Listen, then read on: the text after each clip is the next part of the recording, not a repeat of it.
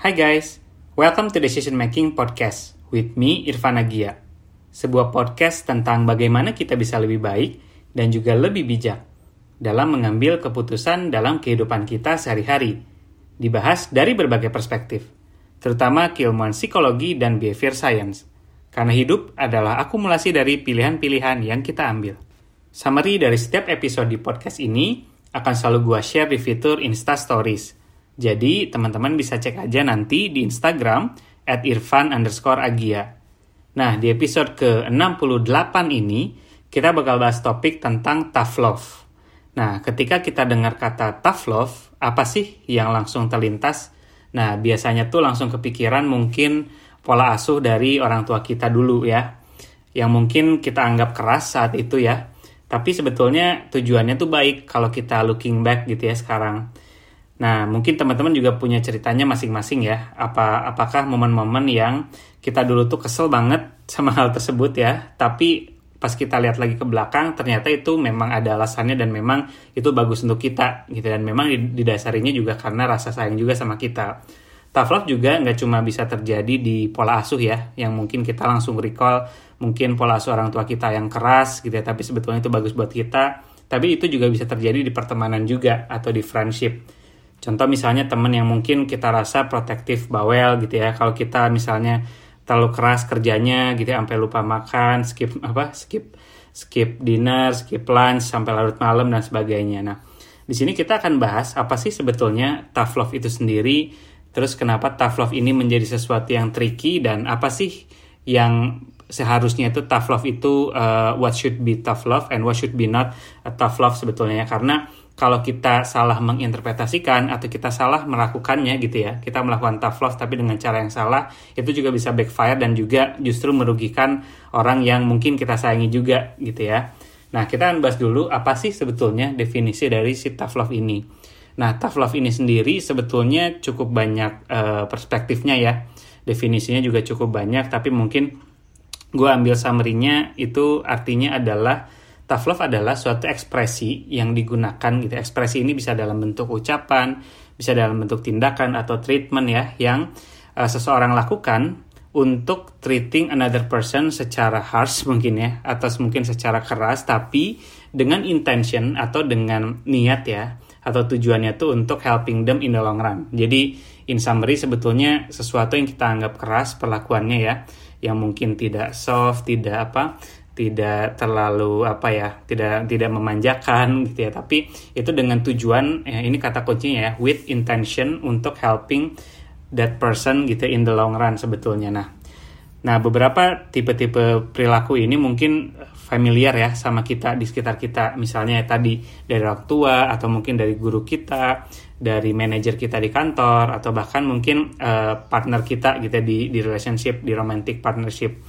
Nah, tough love ini juga sebetulnya generally use uh, dalam parenting untuk dealing dengan edik sebetulnya. Misalnya kayak orang tua orang tua atau uh, apa profesional uh, helper gitu ya yang pengen treating orang dengan mungkin adiksi seperti itu. Nah, tapi nah ada batnya nih, ada ada tapi yang sangat besarnya. Tough love ini tuh akan menjadi sesuatu yang different, sesuatu yang berbeda to different different people gitu. Jadi it means different things to different people sebetulnya. Karena balik lagi mungkin kita rasa ini tuh sesuatu yang baik gitu ya untuk mereka, tapi sebetulnya itu tidak bagus untuk mereka dan mungkin mereka tidak membutuhkan itu sebetulnya. Jadi ini sangat bergantung dengan uh, lifestyle kita gitu ya, circle kita, kemudian juga hubungan kita dengan orang tersebut dan apa yang kita definisikan sebagai tough love itu sendiri. Gitu. Jadi episode ini penting nih sebetulnya untuk kita tuh melihat apa sih sebetulnya yang uh, tough love yang sesungguhnya gitu dan juga dan mana yang mungkin kita selalu salah interpretasikan.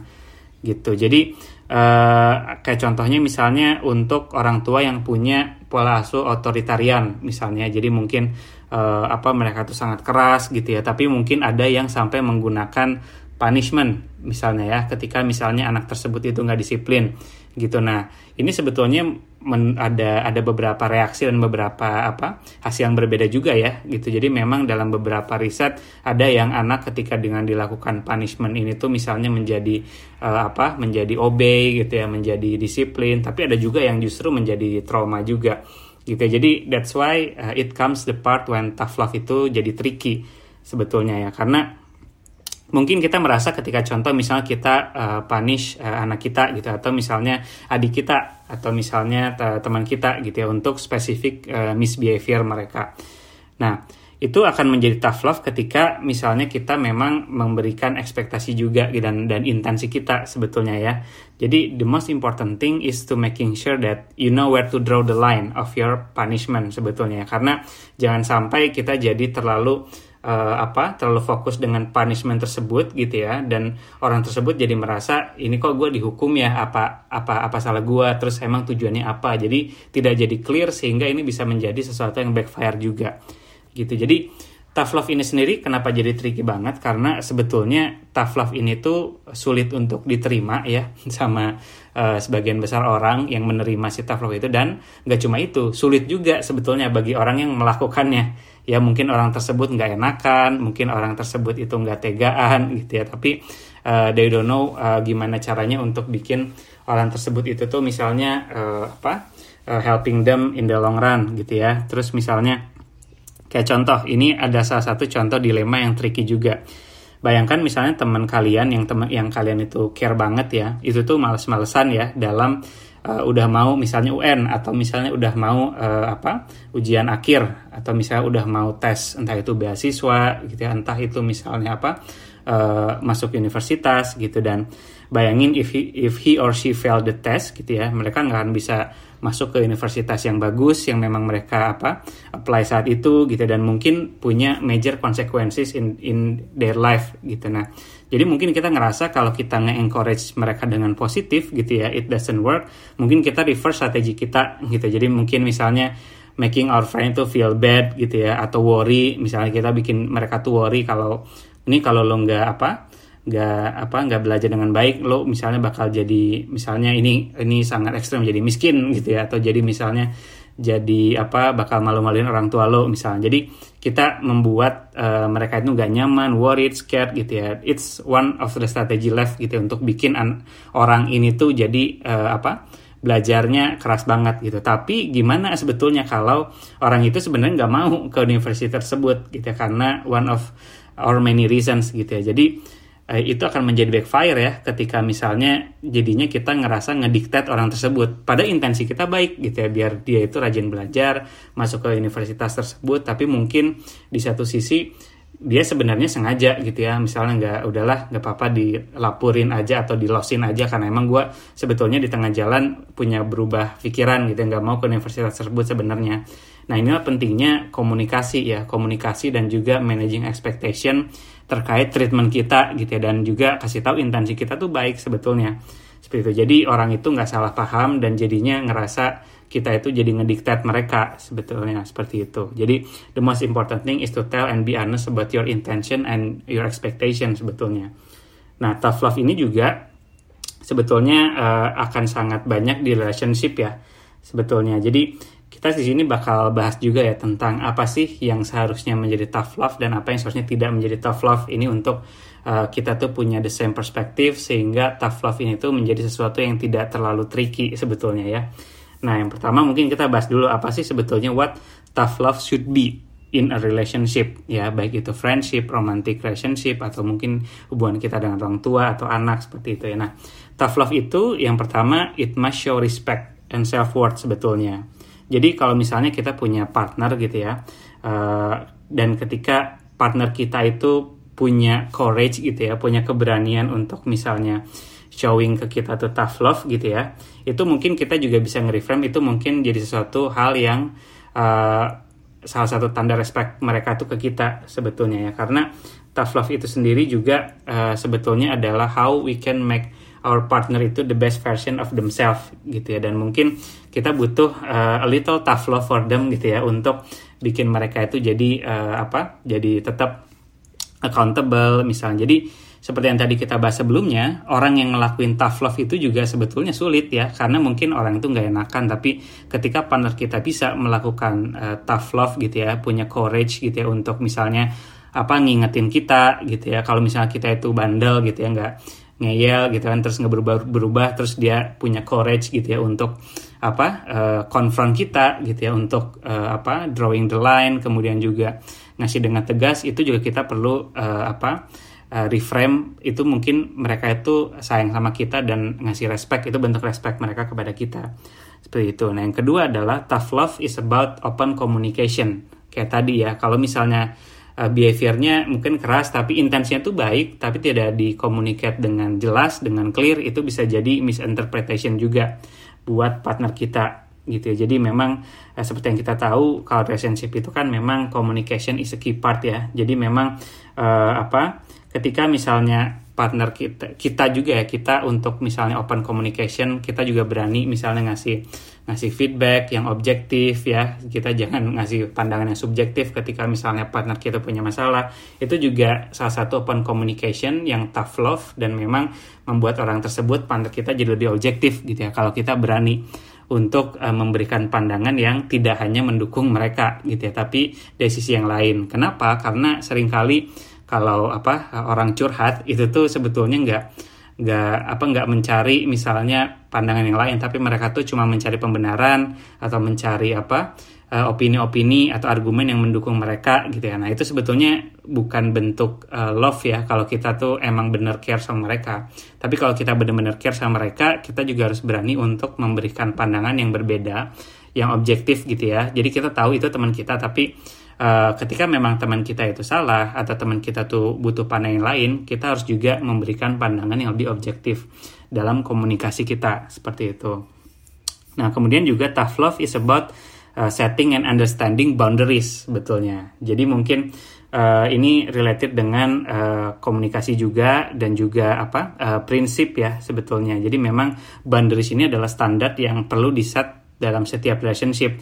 Contohnya misalnya kayak apa personal time gitu ya, kemudian possession, personal space misalnya. Jadi setting boundaries ini sebetulnya salah satu part untuk tough love juga ya karena sering kali kita nggak enak gitu ya misalnya mau minta sesuatu kepada kita misalnya lagi pengen sendiri gitu ya misalnya atau lagi pengen me time gitu tapi mungkin kita takut dimisinterpretasikan hal lain gitu ya dan juga uh, ketika kita bisa open communication ini tentang apa boundaries ini gitu ya itu juga bisa menjadi healthy sign of uh, relationship sebetulnya ya. Ketika kita bisa dengan uh, leluasa establishing boundaries gitu ya kita uh, clear komunikasinya dengan partner kita gitu itu juga salah satu bentuk respect dan tough love yang baik gitu ya yang healthy sebetulnya.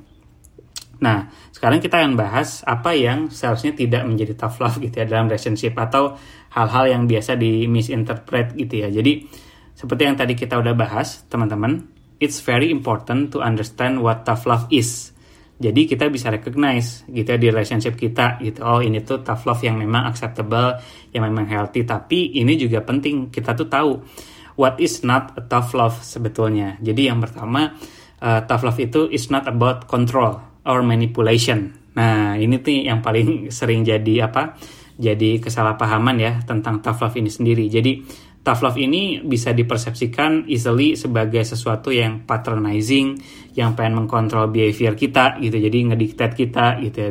Nah, kalau memang it's not com it's not coming from the right place gitu. Jadi tough love uh, at the end of the day is about love gitu ya, which means kita harus showing partner kita tough love itu ada tujuan yang baik gitu ya untuk help them improve or make positive change in their life. Nah, terkait positive change-nya ini nih yang harus disamakan dulu perspektifnya.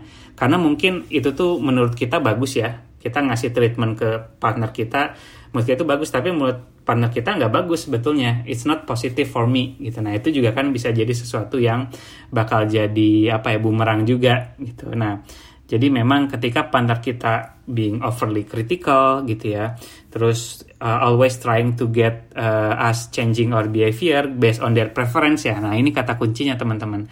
Ketika partner kita pengen uh, merubah kita berdasarkan preferensi mereka gitu ya, not what is best for us, dan this is an example of controlling and manipulative behavior teman-teman. Dan ini nggak boleh di apa?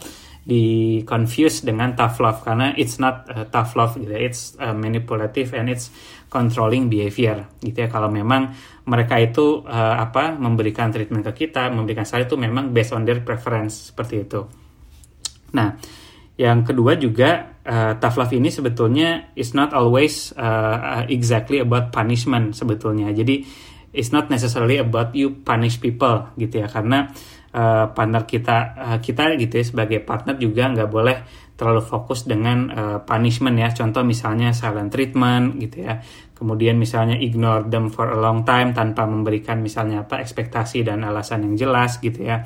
Jadi uh, tough love is not about punishing our partner for doing something wrong or doing something that you don't agree with gitu ya. Tough love actually it's about creating boundaries gitu ya. Dan expectation yang paling penting nih gitu untuk ngasih tahu gitu ya uh, gue ngelakuin ini karena apa uh, hal ini gitu. Dan perlu dikomunikasi juga apakah hal ini juga yang bagus untuk untuk kamu gitu ya. Dan memang kita perlu set our reasoningnya juga gitu. Karena at the end of the day every treatment gitu ya every word itu akan acceptable ketika memang itu tuh reasonable untuk mereka.